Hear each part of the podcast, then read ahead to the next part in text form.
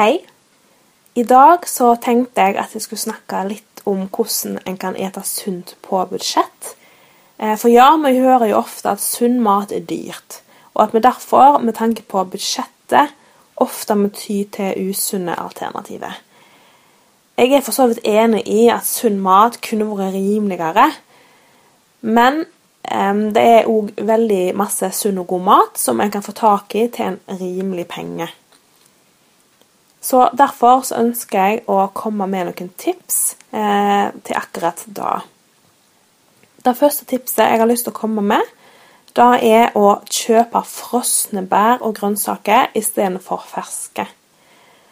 For eh, frosne bær og grønnsaker de er like næringsrike som de ferske, i tillegg til å være ofte en god del rimeligere. Tips nummer to det er å ete mer eh, belgfrukter. For eh, belgfrukter som linse, bønner og kikerter er virkelig geniale råvarer om en vil ete sunt på budsjett. De råvarene er rimelige og næringsrike og har et høyt innhold av mettende proteiner til vegetabilske råvarer og værer. Belgfrukter kan erstatte kjøtt i eh, masse. Har dere f.eks. prøvd eh, linse i stedet for eh, kjøtt i taco? Det er faktisk veldig godt, altså.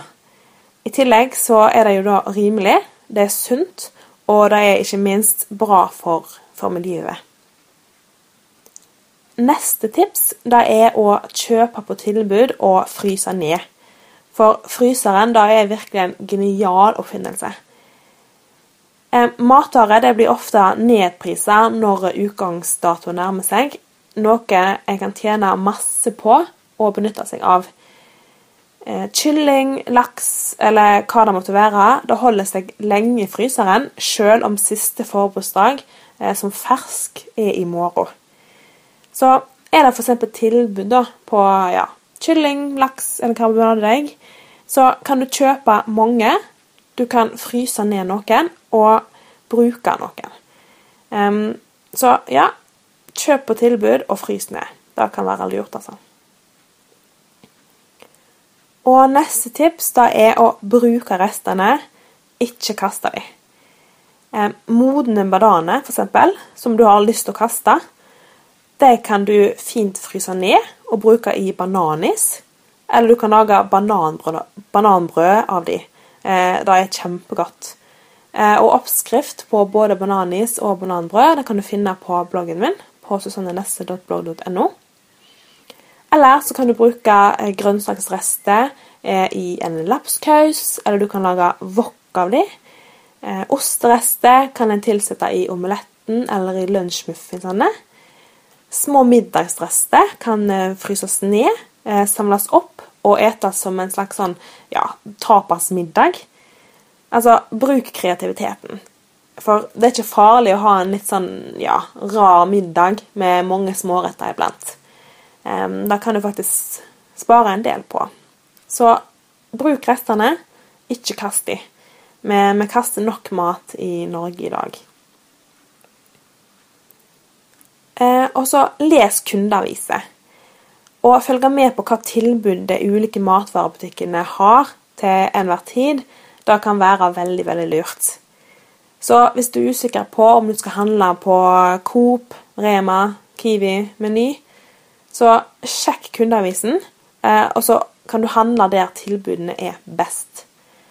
Og en app som jeg har blitt veldig glad i, det er en app som heter Mattilbud. Og Mattilbud inneholder de nyeste kundeavisene til de fleste matbutikkene. Så sjekk gjerne den ut. Den bruker jeg masse, og er, den er rett og slett kjempesmart. Og drikk vann. Eh, Vann som tørstedrikk da er definitivt det beste valget med tanke på ja, både helsa og lommeboka. Så reduser bruken av brus, juice og lignende, og du vil fort spare en god del. Så vann er virkelig gull verdt. Og noe som òg kan være lurt, det er å planlegge innkjøpene dine. Så planlegg gjerne middagene og andre innkjøp søndagen i forveien, f.eks. Da kan en unngå mange unødvendige kjøp når en er på butikken, og derigjennom spare masse. Et tips da er f.eks. å planlegge middagene sånn at matvarene en kjøper, kan brukes i mange av de. Å ha sju middager i uka med helt ulike ingredienser, da sier seg sjøl at det kan bli en del dyrere enn om, enn om en f.eks. kjøper en del gulrøtter og bruker dem i en, ja, en gulrotsuppe en dag, eh, som tilbør til kjøttkakene en annen dag, og ha dem i fiskesuppa en eh, siste dag. Um, og Dessuten så slipper en da å måtte kaste deler av mange ulike matvarer som ikke brukes opp. Så med litt planlegging i bunnen så er det masse enklere å ete sunt, eh, og ikke minst rimelig. Neste tips da er å eh, benytte seg av disse her innvandrerbutikkene. For der finnes det masse rimelige skatter. Eh, frukt og grønt er ofte billigere på sånne butikker. Og det samme gjelder f.eks. krydder. Og har du testa ut f.eks. Um, kikertmel, Kikertmel kan kjøpes til en rimelig penge på innvandrerbutikken, eh, og anbefales virkelig på det sterkeste. Eh, av dette her mjølet da, så kan du f.eks. lage deilige, billige kikerpannekaker, eller wraps, som kan varieres i det uendelige. Så prøv gjerne det. Eh, og hvis du søker opp da på bloggen min, så vil du òg finne noen oppskrifter på det. Og et annet tips da er å lage store porsjoner og fryse ned når du først er i gang med middagslagingen. Og å vite at du har middag klar til deg i fryseren de gangene du rett og slett ikke orker å lage middag, da er kjempe, kjempelurt. For da unngår du kjappe og egentlig relativt dyre middagsløsninger i farten. For å kjøpe en pølse på bensinstasjonen eller en ferdig pizza Altså, det er jo enkelt og greit eh, når en ikke gidder, eh, men med tanke på helsa og ikke minst lommeboka, så er ikke akkurat det så, så veldig, veldig gunstig, da.